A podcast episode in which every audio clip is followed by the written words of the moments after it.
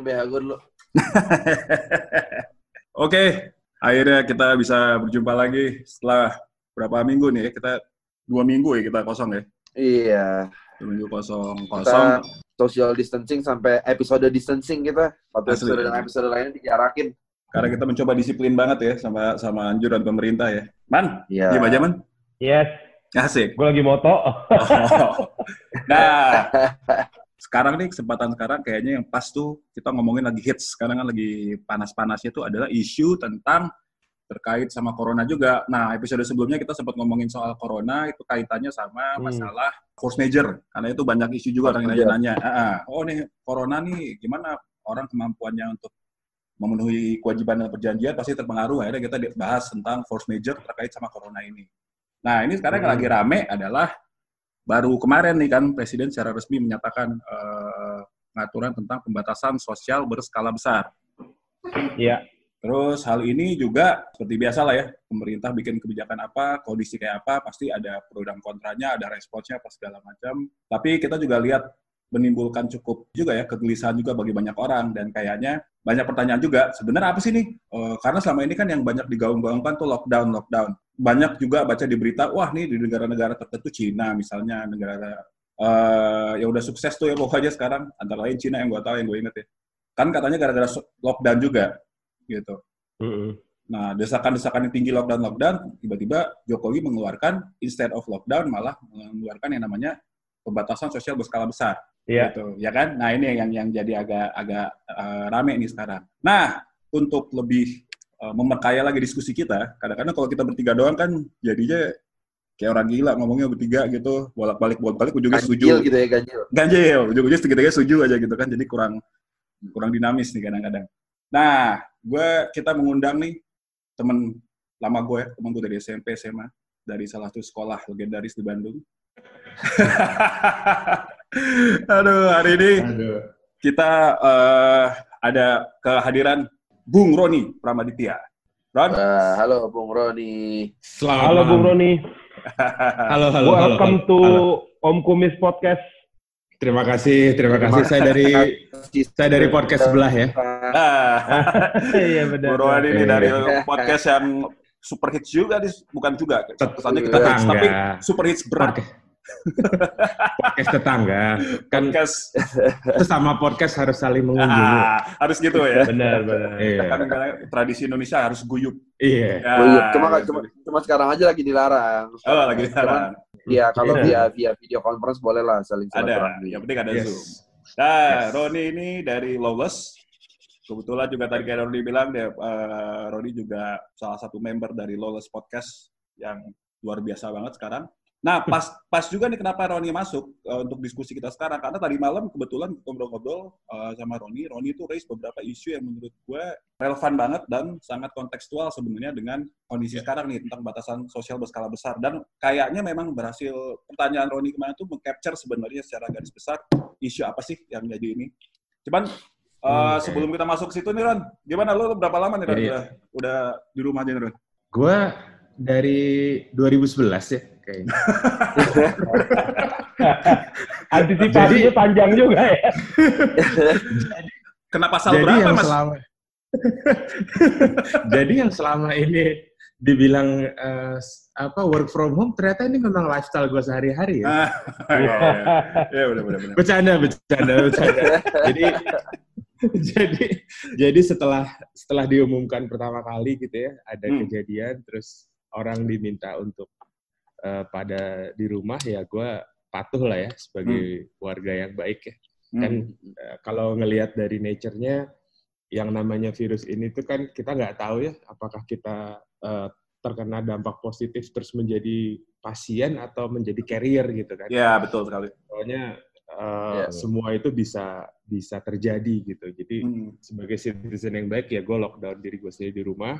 Hmm. Hmm. Keluar juga hanya untuk uh, belanja groceries aja. Hmm. Terus sisanya sih ya udah kita lewat uh, video conference ya, lewat Betul. email. Hmm.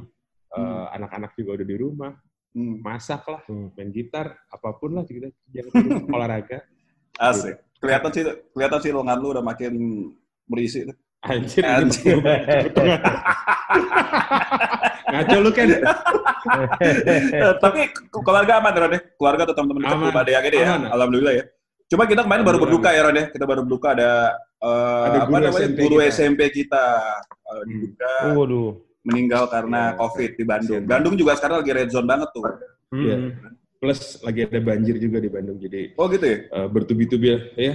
Betul di Bandung Selatan tuh lagi banjir, jadi ya eh, Aduh. stay strong lah buat teman-teman di Bandung. Iya, stay Kenapa- strong. Kenapa jatah DKI diambil tuh? Iya. Aduh, Nah, aduh.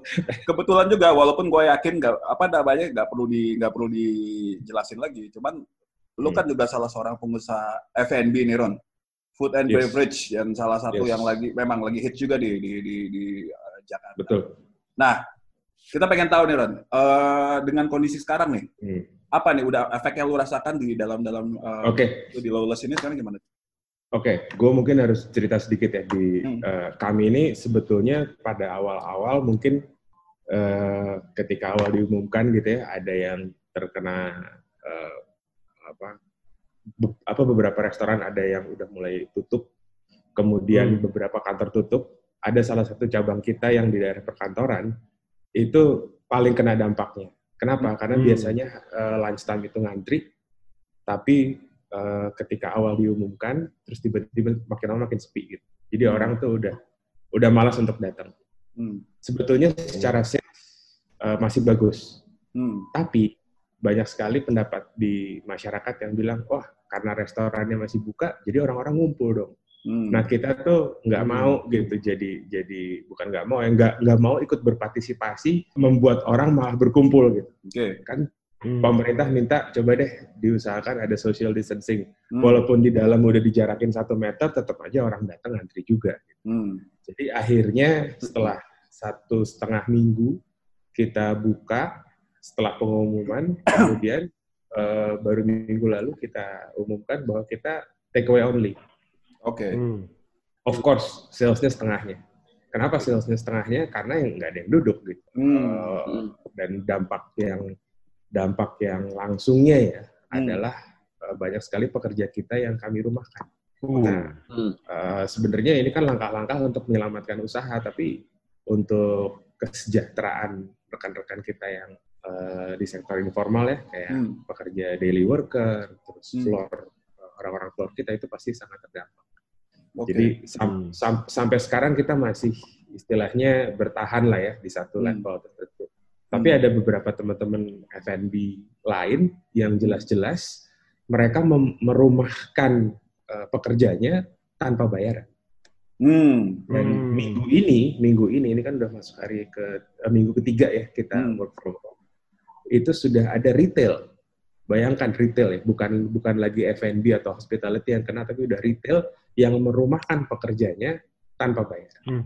Jadi udah pasti ini dampaknya multiple ya, nggak nggak cuma gue aja, gitu, tapi semuanya juga pasti merasakan. Hmm. Itu yang yang dari sisi pendapatan ya, dari sisi revenue.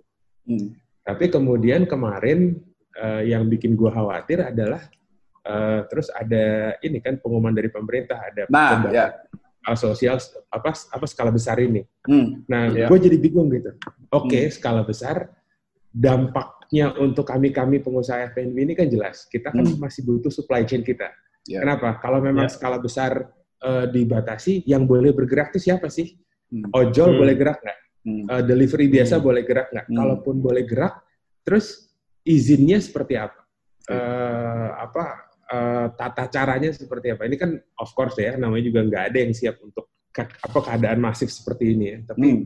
kita Hmm. mohon kejelasan lah sebagai orang awam dan pengusaha gitu. Hmm. Apa sih yang harus kami lakukan gitu? Kalau disuruh agile ya kami pasti agile lah gitu. Kita bisa rubah menu, kita bisa atur Hmm. eh, radius pengantaran misalnya Hmm. gitu Hmm. untuk untuk untuk apa menjembatani eh, apa limitasi-limitasi ini tapi we just want to be clear about it gitu. Apa sih Hmm. sebenarnya yang jadi gitu dan dan dan kita harus gimana?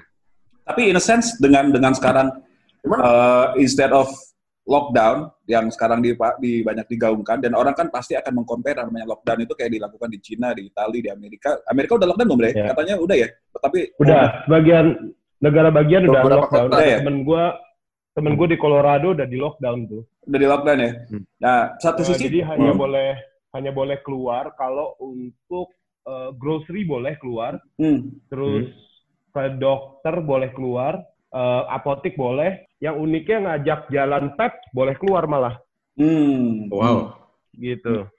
Oke. Kemarin kita ngobrol sama teman kita di Melbourne juga kan, udah mulai tuh aturannya jalan ke Hmm. grocery saja boleh dua orang, nggak boleh berendeng rame-rame.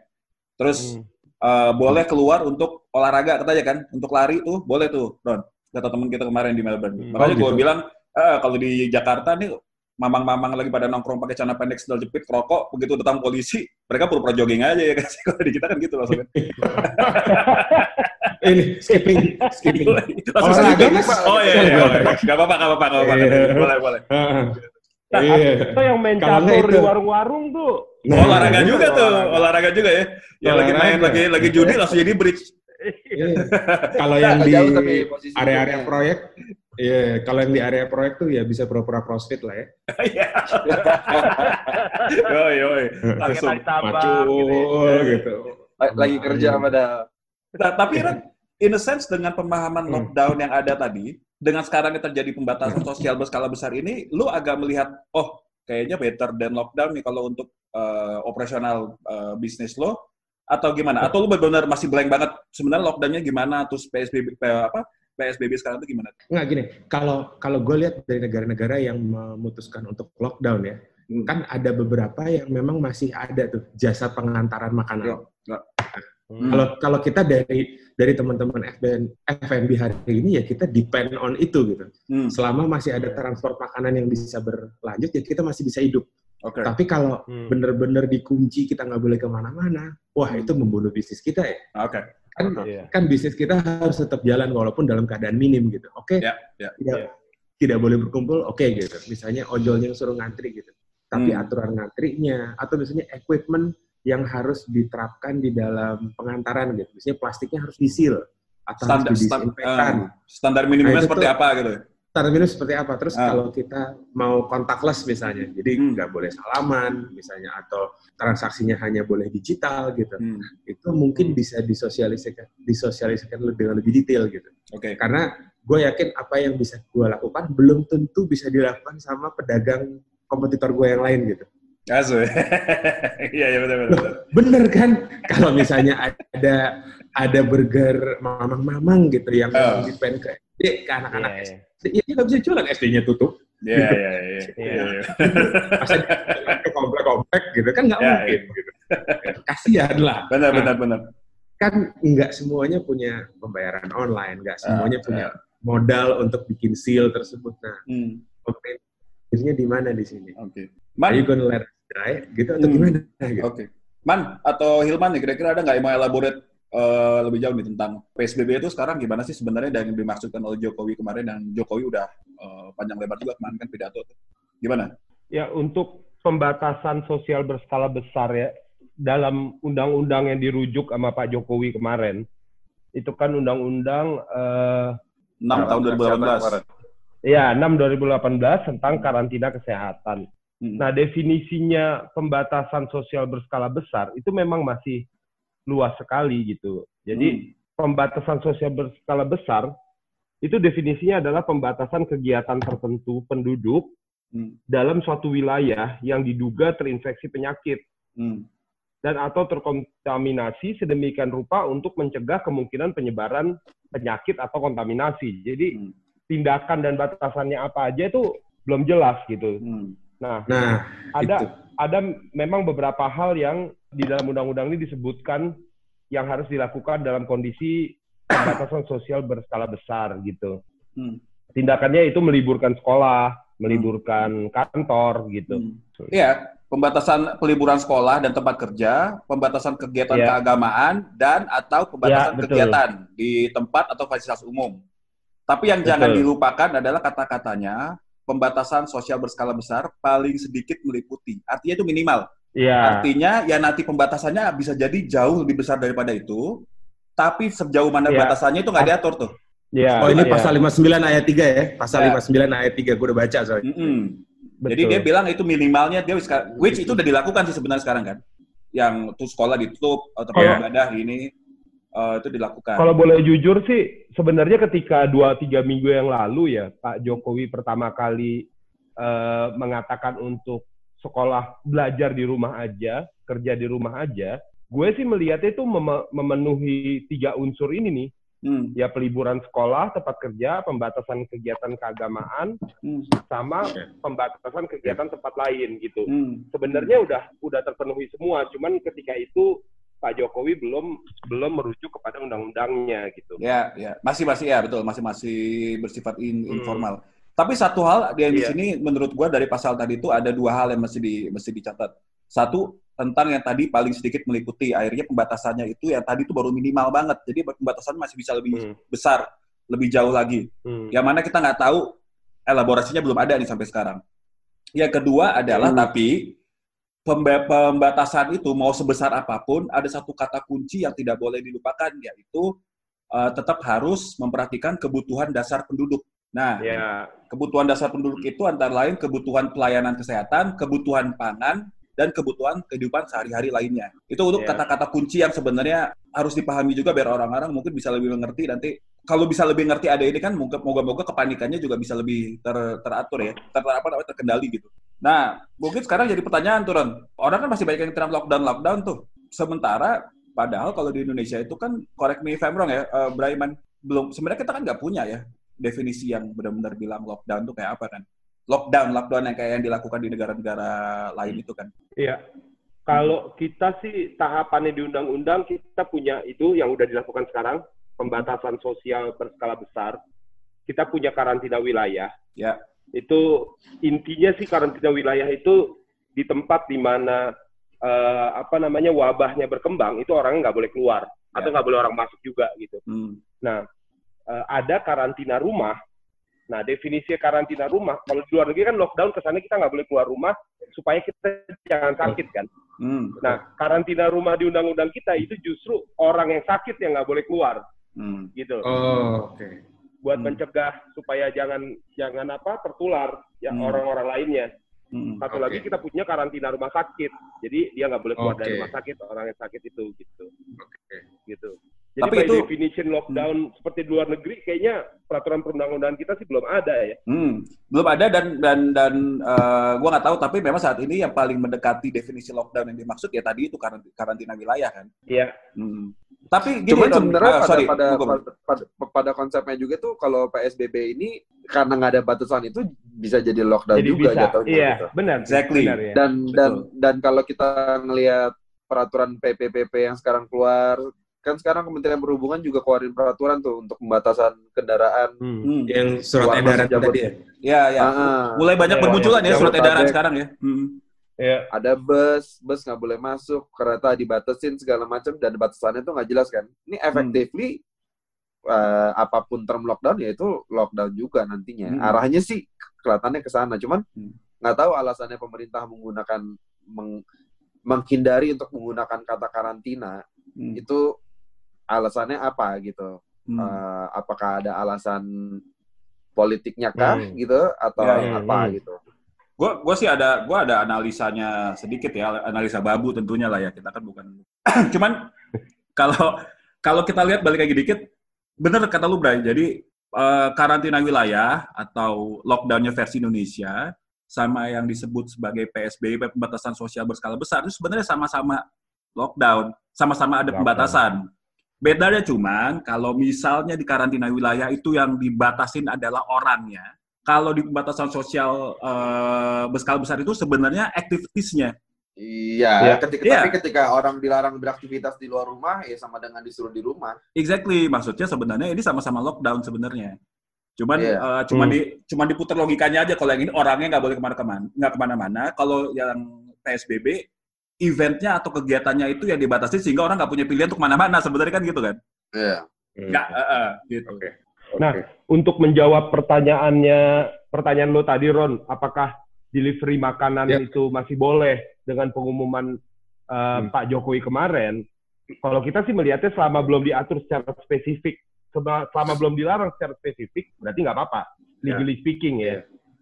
Iya. Nah, tepat man. Jadi sebenarnya gini sih Ron, orang banyak yang bilang wah nggak jelas nih, nggak jelas, nggak jelas, kurang kurang detail, kurang pas segala macam.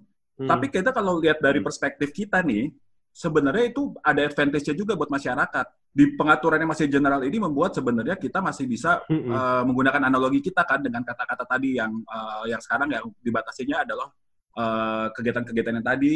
Udah gitu ada kata-kata di mana dibilang kebutuhan dasar penduduk nggak boleh sampai nggak ada. Jadi misalnya salah satunya yeah. kalau penjelasannya pelayanan kesehatan, kebutuhan pangan, kebutuhan pangan betul termasuk makanan kan gitu. Jadi gue juga membaca bahwa beberapa orang di media ada beberapa ahli ekonomi juga dan orang bank juga mereka setuju betul dengan pendekatan si PSBB ini karena itu masih tidak mengunci kegiatan-kegiatan orang-orang uh, yang di sektor ya, informal. Basic. Iya, dan dia yeah, merefer yeah, yeah, spesifik yeah. ke gojol. Jadi gojol itu masih bisa masih bisa operasional sebenarnya dengan adanya si PSBB okay. sekarang gitu. Ya bagus lah kalau seperti itu. apa gue gue sih dengarnya relief ya karena artinya hmm. tinggal nanti diatur gitu mekanismenya, hmm. teknisnya, metodologinya, yeah. jarak dan lain sebagainya. Itu sih udah yeah, udah yeah. udah sangat teknis itu sih. Hmm. Dan orang Indonesia kalau udah ngomongin teknis pasti akan nemu loophole-nya deh suatu betul, hari. Betul, suatu betul. Nah, menjawab yang tadi menjawab yang tadi lu lu bilang itu, Bray. Kenapa kenapa sih kayaknya kok Jokowi uh, atau pemerintah sekarang tuh kayaknya takut, bukan takut ya, kayaknya berusaha banget menghindari bahasa karantina wilayah atau lockdown itu. Kalau kalau hmm. menurut gue ya, dan bukan hanya gue juga baca-baca juga dari pendapat orang-orang lain. Tapi gue lihat kayaknya memang lebih ke arah psikologis masyarakatnya. Kalau kita lihat dari awal kayaknya Pak Jokowi itu uh, memang concernnya terbesar, which gue nggak tahu mungkin bisa bisa tepat bisa enggak.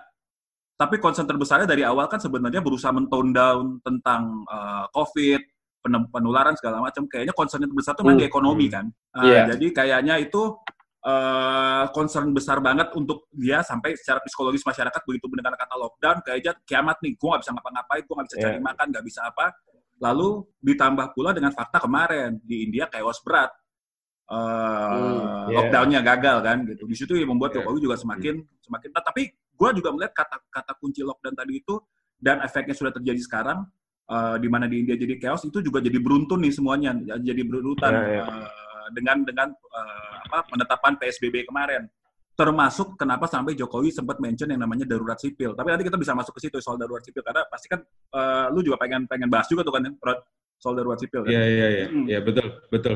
Gitu. Kalau kalau udah kayak gitu terus kita mesti gimana? Nah, hmm. betul. Cuman satu hal yang selama ini digaung-gaungkan juga oleh banyak orang, terutama gue kadang-kadang agak kecewa juga nih ya. Uh, ini kan uh, dalam situasi sekarang politisnya tuh masih tetap jalan ya dari dari berbagai kepentingan politik. Nah, yang sekarang banyak digaungkan hmm. menurut gue itu adalah uh, poin-poin yang sebenarnya nggak mungkin jangan lari ke situ. Misalnya banyak yang bilang, kenapa Jokowi pilih PSBB? Itu karena hmm. PSBB itu tidak memberikan kewajiban pada pemerintah untuk menyajikan eh menyediakan uh, kebutuhan uh, makanan kepada masyarakat.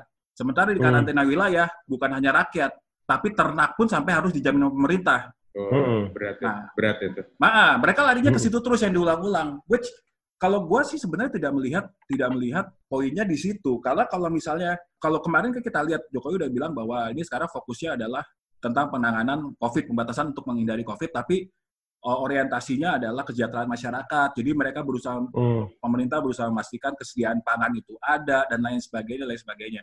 Yang nggak dijelasin sama orang-orang yang ribut-ribut tentang uh, karantina wilayah, di mana pemerintah wajib memberikan uh, atau menjamin uh, makanan bagi masyarakat itu adalah sebenarnya metodenya seperti apa? Apakah uh, artinya pemerintah begitu karantina wilayah, pemerintah harus delivery makanan setiap hari, sehari tiga kali ke mana ke rumah-rumah masyarakat atau hmm. enggak karena sepanjang yang gue tahu di karantina wilayah juga nggak di nggak di defend ketat eh, nggak di defend banget kan sebenarnya seperti apa sih penjaminannya eh, apa penyediaan makanan itu makanya gue melihat sebenarnya dengan psbb ini tetap ada itu uh, kewajiban pemerintah untuk memastikan jangan sampai ada ke terba apa mampuan masyarakat mendapatkan pangan hmm. ini nih tapi dia menurut menurut gue ya pada akhirnya sebenarnya hmm. kalau dilihat dilihat perspektif dari ini tuh sebenarnya kita tuh masyarakat itu banyak di drive untuk jadi melihat hal-hal yang sebenarnya apa ya dieksploit tuh hal-hal yang sebenarnya dia mereka juga menjelaskannya secara sepotong-sepotong. Jadi masyarakat wah gila nih gue gak dikasih makan sama pemerintah. Enak banget pemerintah kurang ajar pemerintah ya. Kalau misalnya karantina kan gue dikasih makan. Kalau psbb hmm. enggak oh ini sialan nih pemerintah. Yang digaung-gaungnya kan ke hmm. situ hmm. sebenarnya. Nah itu gimana Bray? Lo menurut lo gimana Bray? Kalau gitu Bray. Ya menurut gue kayak gitu nggak apa sih. Konteksnya kan bukan di situ sebenarnya. Exactly, benar. Gitu konteksnya sebenarnya objektifnya sekarang kan prioritas utama adalah meng- menghalangi penyebaran Lebih jauh. COVID-19 makin lebih parah gitu Betul. kan. Betul. sebenarnya jadi tinggal apa nih pilihannya untuk mencapai tujuan itu kita semua tujuannya tahu itu Hmm. termasuk orang-orang yang dirumahkan juga entah di hati terdalam atau di apa yang pertama dipikiran adalah dia ngerti kalau ini karena situasi yang memang diperlukan untuk mengurangi uh, Hmm. penyebaran COVID gitu. Hmm. Mungkin dia secara bukan secara langsung orang dirumahkan untuk mengurangi COVID, tapi sebagai dampak dari itu ada korbannya dan dia jadi korbannya Betul, betul. gitu kan. Cuman ya di satu sisi memang harus mengerti, di sisi lain ada kebutuhan paling dasar dia yaitu untuk makan yang mungkin jadi terganggu gitu kan. Hmm. So it's a matter of priority dari sisi kalau kita kita lihat dari sisi pemimpinnya yang ambil keputusan ya itu mungkin harus keputusan itu harus diambil Hmm. Hmm. sama keputusan orang yang punya pabrik eh, pesanan udah nggak ada ya gue harus mengambil keputusan untuk merumahkan kalian ada alasannya dua Hmm. ya karena covid itu Hmm. dan yang kedua ya karena gue udah nggak punya cash flow lagi untuk jalanin in the long run lebih penting gue selamatin pabrik 2000 dari 3000 ya 1000 Bisnis. mau nggak mau mungkin harus Business PHK decision. cuma 2000 gue Hmm. selamatin it's a business Hmm. decision gitu Ya, ya, ya. nah jadi ya balance begitu gue rasa dari sisi pemerintah juga nggak ada yang sempurna tapi kita semua setuju tujuannya sekarang nih menghalangi penyebaran covid lah supaya Ya. gimana jangan terlalu parah Kalau itu sepakat. eh, Yes. ambil keputusan yang mungkin korbannya paling sedikit gitu, yang ruginya paling sedikit lah, tapi untungnya lebih gede gitu. Hmm. Hmm. Jadi ya sebenarnya sosialisasi yang paling kunci sekarang nih komunikasi politik lah. Gimana komunikasiin, ngejelasin ke orang, exactly, ya, benar. ini keadaan yang genting gitu. Hmm. Negara kita bisa eh, berantakan gitu, banyak generasi apa lapisan masyarakat yang usia produktif bisa ma- mati banyak kita juga rugi long Hmm. Jadi eh, ya kita masing-masing minta untuk ya lu percaya sama gua tapi nggak ada keputusan yang sempurna pasti ada yang rugi ya cuman gue minta lu percaya sama gua gue rasa mesti kayak gitu pemerintah supaya orang-orang juga Hmm. ngerti gitu Tapi- ngelakuinnya mungkin hmm. lebih rela gitu Tapi memang kalau gue lihat dari beberapa uh, sentimen uh, masyarakat, terutama yang ini ya, terutama pelaku bisnis, uh, beberapa uh, ahli keuangan juga beberapa orang bank, even gue baca, mereka setuju bahwa sebenarnya pendekatan PSBB sekarang ini adalah yang lebih safe sebenarnya untuk uh, meretain kondisi ekonomi kita compare to lockdown. Kalau lockdown itu kan benar kayak berat lu mampus, lu nggak bisa ngapa-ngapain. Kalau ini uh, kayak tadi, gojol masih bisa gerak. Artinya masih ada industri yang masih bisa bergerak sih sebenarnya. Nggak nggak benar-benar mati suri banget gitu di compare to compare to lockdown gitu. Dan cuman ya tadi ada sorry on gue gue sebelum ini ya ada satu satu hal juga sih sebenarnya eh, yang yang mungkin perlu ditambahin. Tapi nanti Hilman sama Brian boleh tambah. Karena ketidakdetailan tadi kan memang membuka ruang bagi masyarakat untuk eh, menilai sendiri nih ah ah, oke kalau gue kayak gini gue masih boleh. Oh gojol masih boleh gerak. Kan gue bukan Hmm. segala macam. Ah, which is good sebenarnya kan. Berarti masih ada ruangan-ruangan kalau orang mau kreatif dia masih bisa berusaha untuk mencari mencari Yeah. inilah yang mencari peluang. Cuman kita mesti ingat dari sisi mata uang yang lainnya penegakan hukumnya juga jadi bisa bisa nggak seragam loh. Ini ini menurut gua concern juga. Karena kan dari Hmm. sisi aparatnya kan nanti kan yang akan mengawasi si aparat nih. Iya. eh, masalah pelaksanaan PSBB ini gitu Iya. dengan peraturan yang dengan peraturan yang masih segeneral ini kita juga mesti siap dengan kemungkinan aparat akhirnya nggak seragam pendekatannya. Iya. jadi boleh yang ini masih boleh itu masih nggak boleh jadi subjektif. Jadi diskresi aparat-aparat itu sendiri. Bahkan antara satu aparat tertentu bisa jadi pendapatnya berbeda-beda. Nah itu satu hal yang perlu dipikirin juga sih sebenarnya sama sama sama pemerintah nanti saat pelaksanaan si si PSBB ini udah mulai di harusnya udah kali ya sekarang ya? Ya walaupun secara enggak seharusnya kan secara resmi harus dideklar nanti Hmm. declare kan Menkes kan hmm. oh bisa iya betul permintaan dari ke- Menkes. bisa Betul. minta permintaan dari kepala daerah Hmm. atau bisa dari rekomendasi dari gugus tugas Hmm. Hmm. Hmm. gitu Nah, jadi itu ya, satu hal juga tuh, satu hal juga. Jadi jangan sampai nanti orang yang lain ngelakuin ini sama aparat yang lewatin jalan ini boleh, begitu kena sama aparat yang lain jadi nggak boleh. Sama aparat ini langsung di langsung dikerangkeng, sama aparat ini kena denda. Kan nggak tahu kita ya kayak gitu-gitu tuh hati-hati. itu kan kuncinya kepala daerah nanti tuh yang tentu Ya, betul. nanti. betul. Itu Jadi- sih. jadi dia bisa batasin Jadi kita harus submit terhadap eh, peraturan daerah juga ya. Jadi kalau ke gue ya berarti ke dinas kesehatan daerah Betul. gue gitu kan. Sebenarnya konteksnya tuh jadi si kepala daerah dia melaksanakan perintah pusat sih, technically Hmm. dia. Iya. Ya, ya. Hmm. Dan ini juga Secara PSBB. konsep dia ya. Hmm. Sebenarnya buat ngunci Iya, juga, dia Ban, ya. cuma melaksanakan. Ya. SB- ya. SBBD kan coba juga buat membuat lebih tegas satu komando kan. Nggak, nggak, nggak, nggak, Betul. nggak semua pemerintah, pemimpinan daerah bisa melakukan tindakan masing-masing juga. Iya, soalnya di undang-undangnya tuh dibilang pemerintah pusat. Ya, pemerintah pusat Ya. bisa bisa presiden atau bisa menteri gitu. Betul, betul. Dan satu Nah, di lagi, PP ini diper- dipertegas bahwa dia adalah menteri Menteri Kesehatan ya. Eh, bener ya? Menteri Kesehatan. ya? kesehatan. Hmm. Menteri kesehatan. Dan satu lagi Ya. kalau salah sekarang ribut-ribut lockdown-lockdown, jangan lupa juga nih, eh, kalau mereka mau melakukan lockdown kan banyak banget nih hal-hal yang mesti disiapin. Salah satunya katanya yang gue baca sih, salah satunya adalah eh, bantuan pemerintah secara langsung kepada masyarakat lapisan bawah yang di India itu nggak terdistribusi dengan baik, makanya chaos. Ya gue nggak tahu ya, katanya. Hmm. Ya gue baca sih begitu. Nah, sekarang kita balik ke kita nih. Kita balik ke kita kan kemarin sempat Jokowi salah satunya kan sedang mempertimbangkan BLT kan. Hmm, Hmm. betul. Benar. Nah, kalau kita mau lockdown full, itu harus dipastikan dulu bahwa BLT udah nyampe ke semua masyarakat. Nah, mesti ingat itu, Hmm. menyam, distribusi BLT itu nggak simple, itu benar-benar kompleks banget. Kita harus nentuin dulu siapa yang berhak dapat BL, BLT, berapa Ya. BLT yang bisa diberi, bener nggak, Man? Udah gitu harus di Ya. harus di pendataan dulu sehingga memastikan bahwa Nah. BLT itu jatuhnya ke orang-orang sasaran yang tepat kan. Lu bayangin itu nggak Nah, urusan Problemnya ada di data kita tuh. Ya. Betul. Data sipil kita kan agak berantakan. berantakan.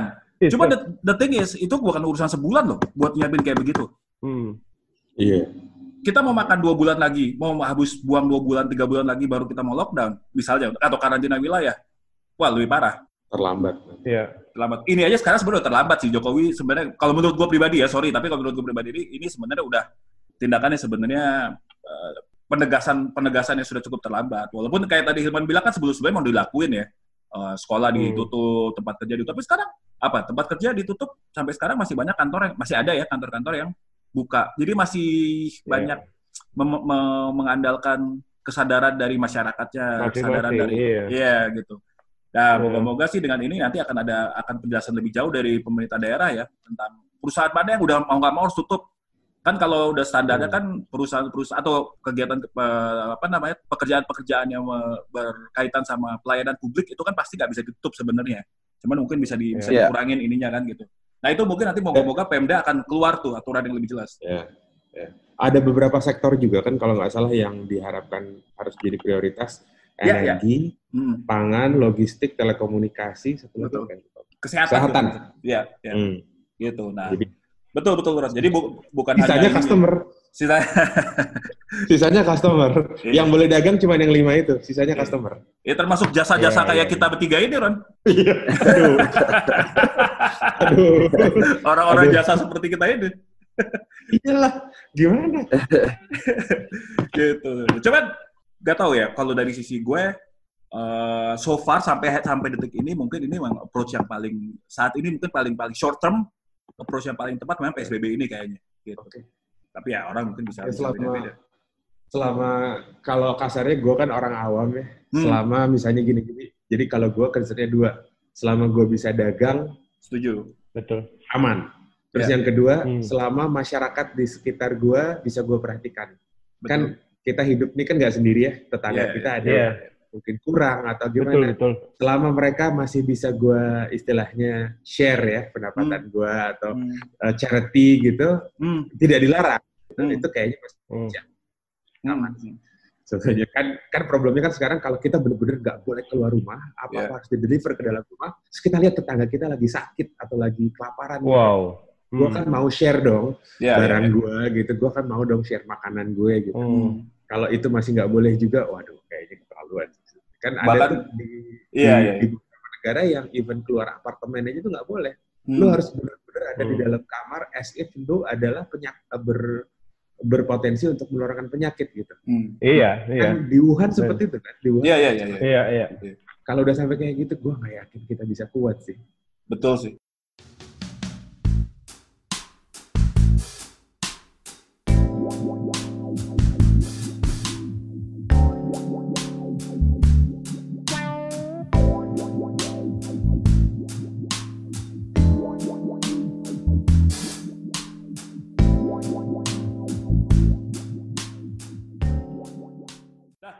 Menurut menurut kita semua deh ya, soal sanksi deh nanti.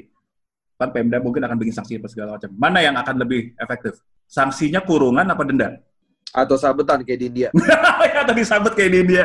Cuman hati-hati juga. Kemarin gue liat videonya, lihat ya, liat videonya ada, yang Ada orangnya ikut tinggi banget. Orang tinggi banget. Iya. Pas disabet, diangkat. Wih, cok diangkat. Wah, gila.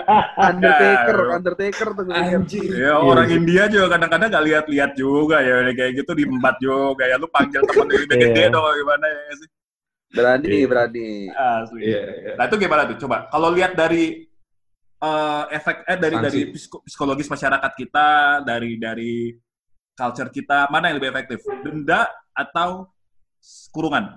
Gue gue bukannya dengar kemarin ada lapas yang dilepasin orang-orangnya. Ah Ya betul Nah, tuh.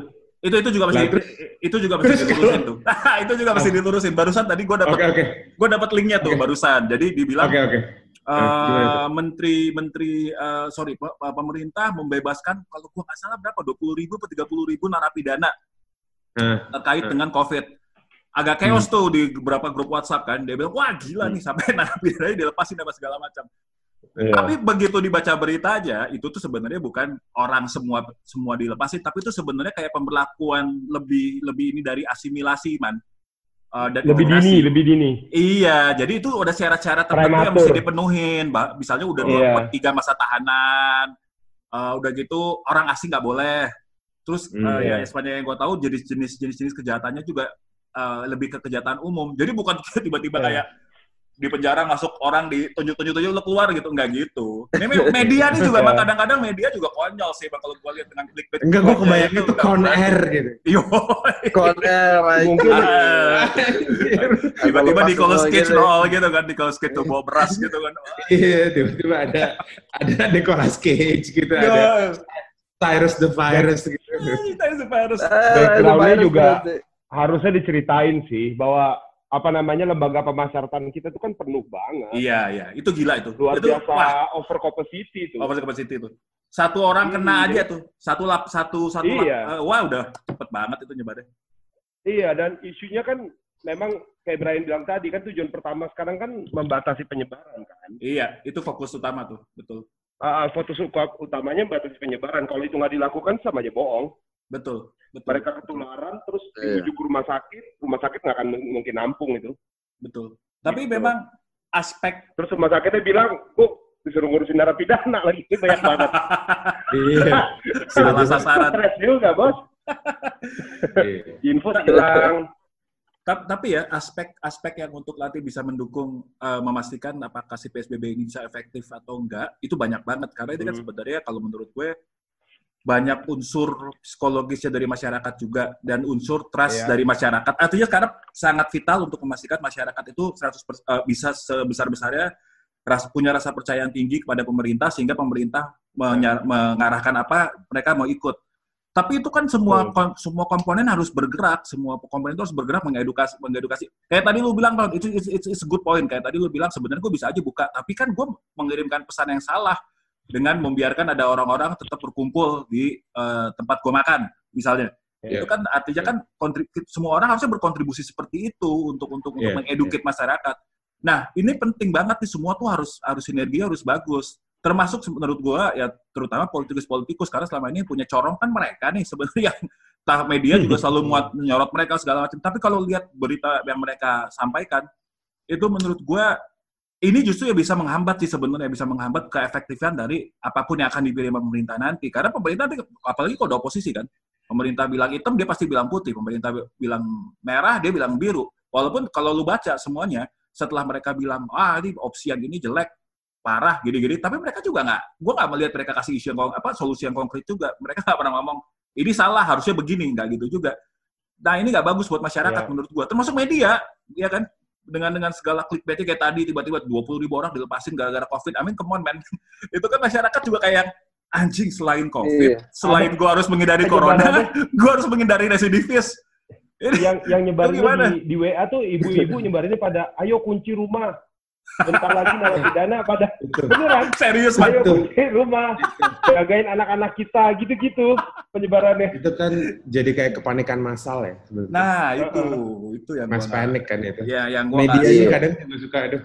Iya, media. mengenai trust masyarakat itu ya itu Hmm. satu hal juga yang kita juga bisa pahami ya kenapa kenapa banyak pihak yang kemudian mempertanyakan mengenai uh, darurat sipil Yes. karena darurat sipil ini memang menarik loh Eh, hak-hak yang akan ada di penguasa darurat sipil itu hak-haknya seperti contohnya ya gue sebutin nih salah satu contohnya Hmm. itu adalah untuk bisa interogasi, memaksa mendapatkan Iya, bisa interogasi. banyak, banyak Ya. ya, ya, banyak, banyak, banyak. betul. mengetahui berita-berita percakapan-percakapan melarang memutus pengiriman berita-berita gitu. Hmm. Jadi arahnya bukan kayak pencegahan penyakit memang gitu. Hmm. Hmm. Arahnya kayak kayak pencegahan berkembangnya suatu isu gitu kesannya. Kayak mencegah makar. Eh, yang yang iya yang yang yang bisa ditangkap di sini. Tapi again kayaknya sih daripada sibuk memperdebatkan apakah darurat sipil tet- tetap apa tepat atau tidak, lebih baik memang pemerintah bikin aturan peraturan pelaksanaan dari pembatasan berskala besar ini. Hmm. Nah, pem- peraturan pelaksanaannya aja rencana-rencananya apa, pelaksanaannya bagaimana, bagaimana, terus backup plan-nya apa. Tapi lebih lebih rum, lebih detail kali ya dibanding general konsep gini. Jadi orang bisa ngerti, oh memang pemerintah ini well prepared gitu. Hmm. Hmm. Daripada ngedebatin konsep-konsep kayak gini. Ini kalau menurut gue ya gitu. dan harus disosialisasikan dengan benar karena kalau kita lihat sekarang pemerintah itu selalu dua tiga langkah di belakang soal dalam masalah mensosialisasikan uh, steps mereka atau strategi mereka ke depannya dan selalu kalah keras Hmm. kalah kencang dengan orang-orang lain yang punya kepentingan berbeda kayaknya gitu balik lagi sih sebenarnya si darurat sipil tadi ini. Kan ada beberapa isu kalau gue lihat. Satu mereka mempermasalahkan karena ini aturan udah kuno banget. Ini aturan dulu uh, dari tanda tangan Hmm. Soekarno. Tahun 57 eh, sorry tahun 59 tuh per- peraturan pemerintahnya. Udah Hmm. gitu kok ada jadi isu juga. Ini sebenarnya darurat sipil buat covid masuknya di mana? Karena darurat sipil itu kan keadaan bahaya selain keadaan darurat militer dan keadaan perang terjadi manakala alat-alat perlengkapan negara dikhawatirkan tidak dapat mengatasi kondisi keamanan atau ketertiban hukum di seluruh wilayah atau sebagian Betul, wilayah negara. iya, Nah ini betul. Eh, kemudian dia dia dia dibilangnya eh, kondisi itu terjadi apabila negara terancam pemberontakan, kerusuhan, bencana alam, perang, Iya. perkosaan wilayah atau negara dalam bahaya. Makanya orang banyak Nah, yang sekarang benar. bilang darurat sipil lu ngomong darurat sipil mana? Covid masuknya ke mana nih sekarang?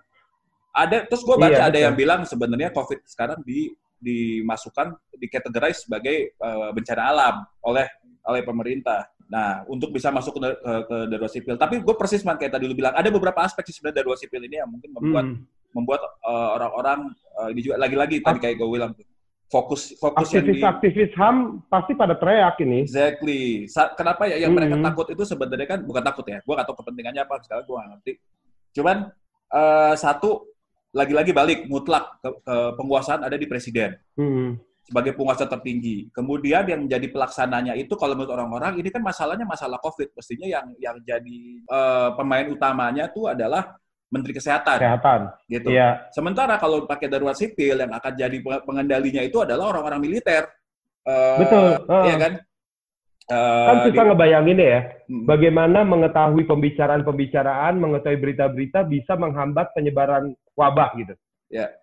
Gimana tuh? Kan nggak nggak nggak direct gitu loh, agak bingung gitu memahaminya jadinya kayak gitu. Hmm.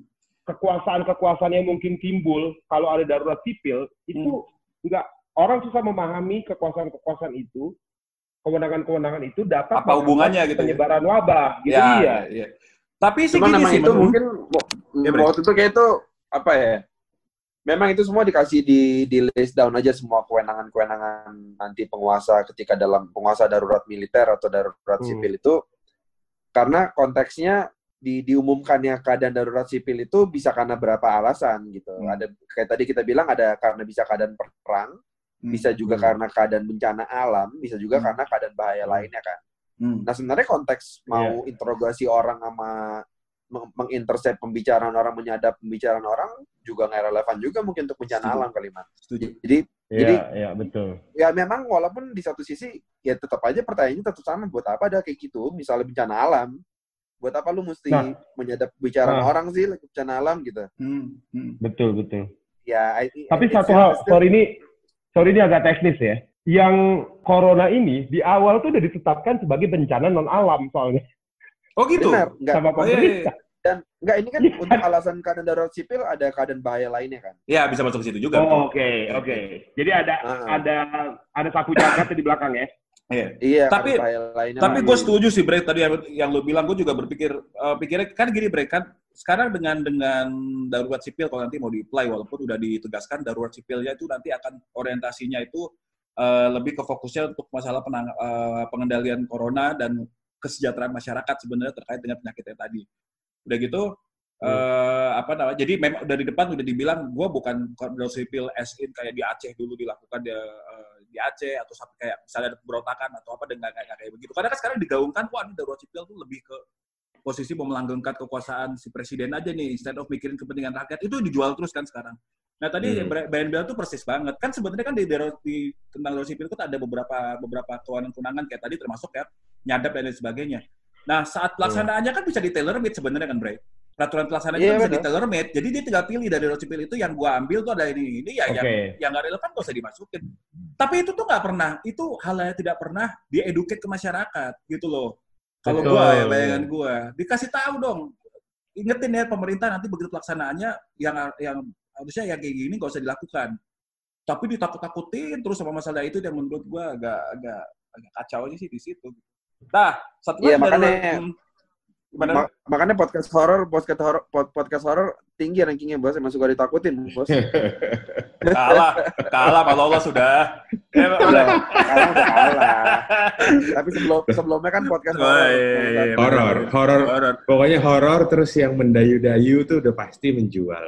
Oh gitu ya. Nah, Abis gitu baru yang nyampah kayak kita. Aduh. Udah gitu baru. Tapi horor dulu. Udah gitu baru. Yang hukum. the bottom of the food chain. Orang orang tuh suka lupa ya, padahal kayak gini-gini penting loh. Iya. Mereka belum sadar aja. Belum sadar. receh gitu. Eh, eh, Belum sadar. Tapi nggak apa-apa. Itu ya, kita kan kita ya udahlah seperti dianggap aja kayak guru lah kita sebagai sebagai pelita. Sebagai Nah. lilin Pemerintah. kita terbakar. Pahlawan tanda tanpa tanda jasa. Iya.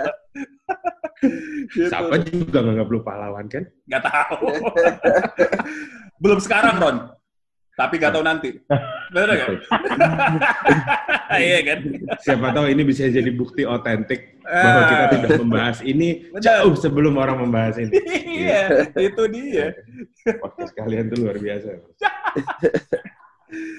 Kalau gue sih thank you tadi eh, penjelasannya Hilman Brian apa eh, cukup masuk akal gitu ya. Hmm. Eh, eh, kalau gue ngelihat selama supply chain gue tidak terganggu, Hmm. selama customer Iya. gue masih bisa dilayani, Hmm. eh, gue sebagai masyarakat sipil pasti akan patuh aturan dari pemerintah Ya, ya. ya. selama tidak tidak terganggu gitu walaupun memang tidak full blown full scale gitu ya skalanya harus turun tapi semua juga skalanya turun gitu kan transport skala turun Ya, ya, ya, ya. ya. Eh, semua bisnis lagi turun nih hari ini Hmm. Hmm. jadi ya kita lagi sama-sama di bottom of pyramid nih hari ini Ya, ya. ya ya udah as Iya. long as we're here ya kita mungkin akan merubah cara kita berinteraksi Ya, cara ya, kita berdagang Iya. cara kita berkomunikasi ya. mungkin ini Mm-mm.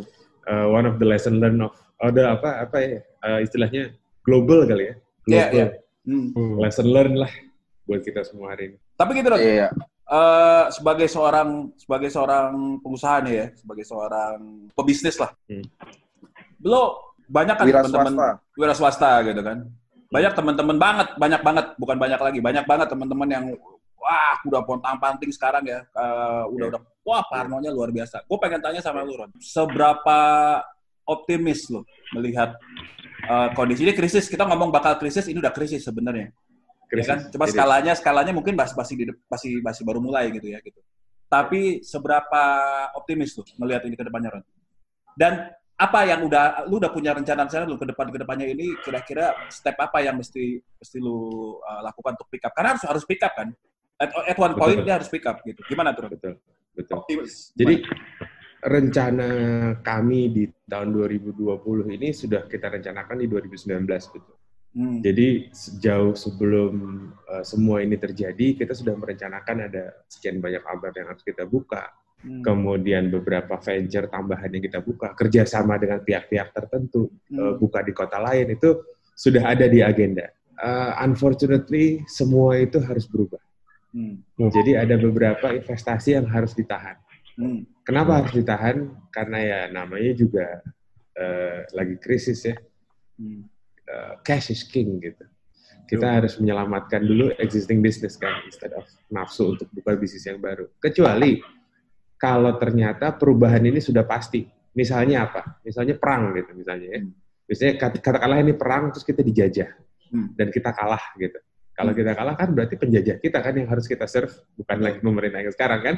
Hmm. Nah, Benar. bisnis apa nih? Bisnis apa nih yang yang baik ketika ada penguasa baru? Hmm. Itu udah jelas gitu di depan. Tapi karena ini sifatnya uh, bencana alam ya dan masih berlangsung. Hmm. Jadi relief-relief untuk pasca bencana ini belum bisa kita ukur. Kan kalau misalnya ada banjir bandang gitu, airnya lewat, terus airnya surut, udah habis gitu kita bantu dong orang untuk Hmm. kembali lagi hidup, dibangunkan hitung kerugian sekolahnya, hitung kerugian. Kalau ini kan kita Hmm. masih belum bisa menghitung kerugian. Kita hanya bisa mengestimasi. Kira-kira kalau misalnya ini sampai orang kan sekarang oh sampai akhir April, Mei kita bisa jalan. Oh ternyata sampai Lebaran, berarti akhirnya Juni. Oh ternyata sampai Juli lah. Terus mau sampai masuk semester 2 gitu. Kalau Hmm. ternyata kita masuk semester 2 dan ternyata masih seperti ini, wah kita harus cepat-cepat memikirkan kembali semua hitungan bisnis yang sudah kita hitung sebelumnya gitu. Hmm. Jadi eh, eh, apa rencana rencana investasi, pengembangan dan lain sebagainya harus kita kalibrasi ulang. Hmm. Hmm. Dan Hmm. ini bukan hal yang mudah untuk kami sebetulnya. Apalagi Tapi- kita kan Hmm. jatuhnya pengusaha kecil kan, bukan pengusaha medium juga gitu. Tapi yang gue tangkap tadi berarti kalau sampai perhitungan yang ada sekarang ada yang ngitung tuh katanya orang mana sih eh, yang pakai metode penghitungan yang dulu mereka pakai buat SARS apa segala macam akurasinya cukup tinggi pakai hitungan matematik kan tapi kan matematik gue Ya, ya, ya, goblok ya, lah jadi ya. gue cuma baca eh, konklusinya konklusinya itu adalah puncaknya akan berakhir di akhir Mei atau awal Juni paling telat Yes. Nah, berarti dengan dengan dengan tadi yang lu sampaikan, kalau sampai di situ masih within your your ini, within your endurance untuk untuk menghadapinya. Terus terang kalau udah masuk semester 2 sebetulnya udah bukan eh, within our endurance lagi ya. Dan Oh. gue yakin gue nggak sendirian. Oh iya pasti. Iya, makanya banyak banyak sekali perusahaan F&B yang besar-besar itu tutup dulu. Kenapa? Karena mereka mau Iya. menjaga supaya pengeluarannya nggak nggak tambah banyak lagi. Hmm. Kalau Betul. kita aja nih masih nekat, kenapa? Kenapa nekat? Kalau kita nggak kerja, kita mati soalnya. Ya ya ya ya ya. ya. Kalau Hmm. kita bener, karena kalau mungkin yang perusahaan-perusahaan besar gitu, mereka punya dana reserve besar atau fasilitas bank yang yang cukup gitu ya untuk Hmm. mengklasifikasikan ini untuk force major Hmm. sehingga dia nggak usah bayar cicilannya, dia nggak harus bayar eh, apa ya istilahnya eh, premi-premi lainnya gitu. Hmm. Tapi kalau kami, kami ini kan cash base. Hmm. Jadi begitu cash kita reserve-nya habis, ya udah, we're floating on the water, we're there on the water gitu. Hmm. Kita udah nggak bisa ngedayung ke mana-mana lagi. Hmm. Hmm. Jadi kalau ini sampai masuk semester 2, menurut gue eh, kita harus banyak berhitung lagi nih untuk investasi berikutnya. Hmm. Hmm. Tapi once it's over gimana menurut lo? Wah, ini kalau gue sih udah melihat beberapa opportunity baru ya. Karena Nah, sekarang behavior orang bergeser kan. Ya. Buktinya aja sekarang kita ngobrol, gue kan baru pertama kali nih ketemu Hilman sama Ibrahim. Hmm. Ketemunya di Hmm. online gitu dan nggak ada masalah. Kayaknya gue mengungkapkan pendapat hari ini gitu ya tentang Ya. tentang apa yang menjadi concern gue dan gue Hmm. mendapatkan secerca harapan gitu dari Hmm. dari bahasan kalian. Nah Hmm. menurut gue kayaknya nanti pun usaha F&B entertainment akan berubah gitu. Hmm. Lebih banyak opportunity di arah-arah digital, Hmm. distance learning Hmm. itu akan memulai. Nah, gue lagi mikir kalau makan kan orang nggak akan mungkin distance ya. Makan kan harus masuk mulut ya, Hmm. gitu. Nggak Oh. akan mungkin di remote gitu. Berarti nanti jasa-jasa catering, jasa-jasa eh, apa pengantaran makanan, eh, cook on the spot itu pasti akan booming. Setelah nanti orang ah gue malas ngumpul sama orang yang dari kota situ, Ya, berarti ya. di kotanya kan mereka harus bikin sesuatu kan, Ya. and that's opportunity. Nah, itu maksud gua, Ron. itu yang penting. Karena itu ya sebenarnya gua gua pengen tuh orang-orang tuh justru itu di situ karena gua baca baca gua tuh termasuk orang yang dan teman-teman gua banyak yang ketawain gua juga. Gua termasuk orang yang sangat optimis sebenarnya dengan kondisi sekarang. Dalam artian pemahaman gue, terus gue udah sempat ngobrol sama temen gue juga yang orang DepQ gitu ya. Gue pengen memastikan sebelum gue menyebarkan pandangan gue ini bener nggak nih pandangan gue. Cuman dia Ada dia gitu ya, orang ada gitu. ada ada base-nya nih omongan Iya. gue. Tapi ternyata Iya, iya. teman gue itu cukup meng, ini gue cukup meng- mengendorse pendapat gue. Dia, karena gue berpendapat ini kan beda sama krisis-krisis sebelumnya. Karena krisis sebelumnya yang 98 sama eh, yang yang itu yang apa Brian yang di Amerika kemarin yang real estate bubble ya. 2008 Eh, 2009 double- ya ya apa? Eh, bubble. Subprime mortgage. ah subprime mortgage gitu kan. Itu kan Hmm. sebenarnya krisis yang terjadi karena memang eh, masalah mis menurut gua mishandle dari masalah eh, finansial ada orang yang mengeksploit sesuatu sampai berlebihan, ada orang yang dengan bodohnya tereksploit. Itu ada ada kesalahan Hmm. dalam sistem pelaksanaannya gitu. Ini kan enggak, ini kan memang wabah, semua orang mengalami ini. Jadi dalam krisis yang sekarang ini tidak ada orang yang sebenarnya benar-benar memperoleh keuntungan besar dari kesialan orang lain. Ini semua orang lagi sial nih sebenarnya sekarang. Jadi Oke. gua gua cukup percaya di saat wabah ini selesai, begitu mau pick up semua orang ke ke, ke interestnya sama, semua orang pengen pick up, pengen Hmm. pengen pengen recover. Dan orang tahu untuk recover itu nggak bisa sendirian, mereka harus recover bareng-bareng. Jadi somehow gue berkeyakinan harusnya begitu. Yang penting udah selesai dulu nih. Gue berkeyakinan ke depannya harusnya bisa lebih mudah daripada krisis-krisis yang lain untuk bangkitnya, menurut gue.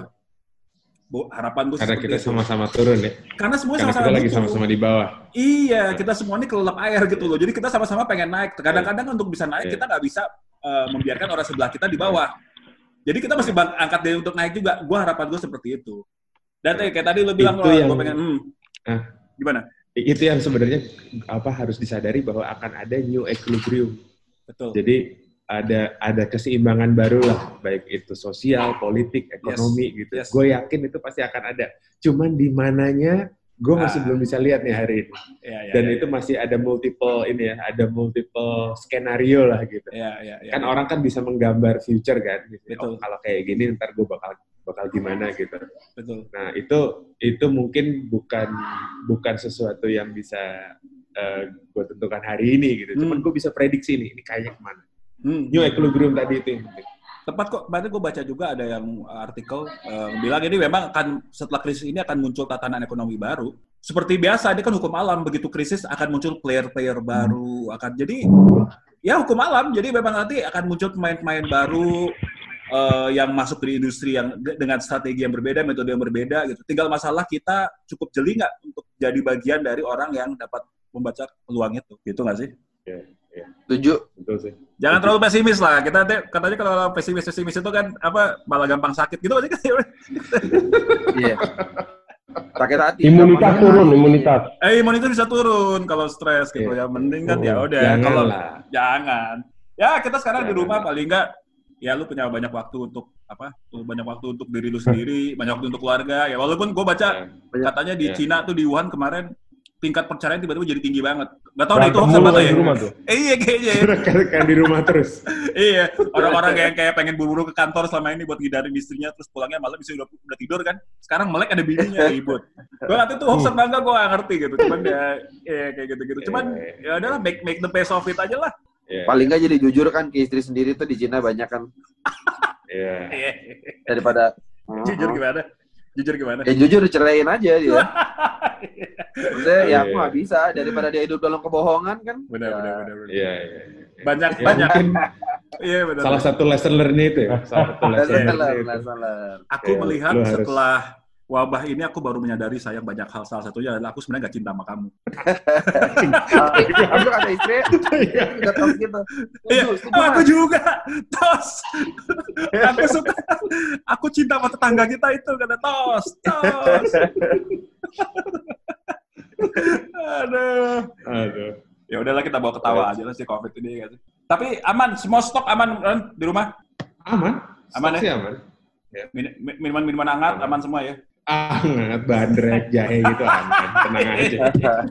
Tenang aja. Kita ngapain nyari tisu gulung orang kita cebok pakai air. Uh, Tisu gulung. Iya, aneh. Orangnya itu kenapa harus beli Indomie yang banyak. Ih, udah, udah, Spaghetti dong. Asik, spaghetti. Cheese grill dong. Oh, spaghetti. Grilled cheese sandwich dong? Kayak orang susah. Pat, gimana Pat? Tadi mau tambahin Man sebelum kita sebelum kita tutup deh. Udah cukup kalau gue. Cukup ya? Bray? Tetap semangat. Cukup. Aman, Bray? Aman, bro. Aman ya?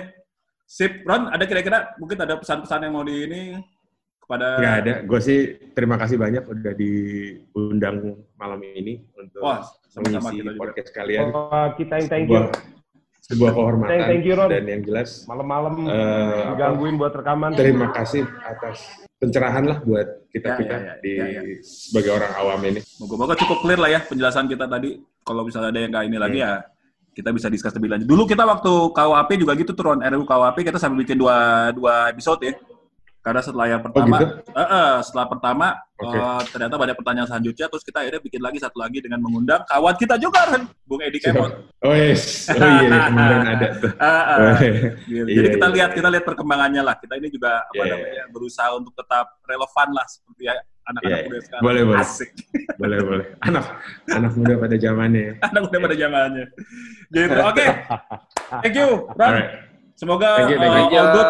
Semoga keluarga, teman-teman semuanya tetap aman, terjamin, sehat aja dan ya semoga kita semua bisa cepat melalui ini dan semakin gemilang thank you. setelah si amin, amin. ini berlalu. Amin. Alright, thank amin. you guys thank semuanya. You. Okay. Thank you. Sampai okay. ketemu. Malam. See you again. Bye.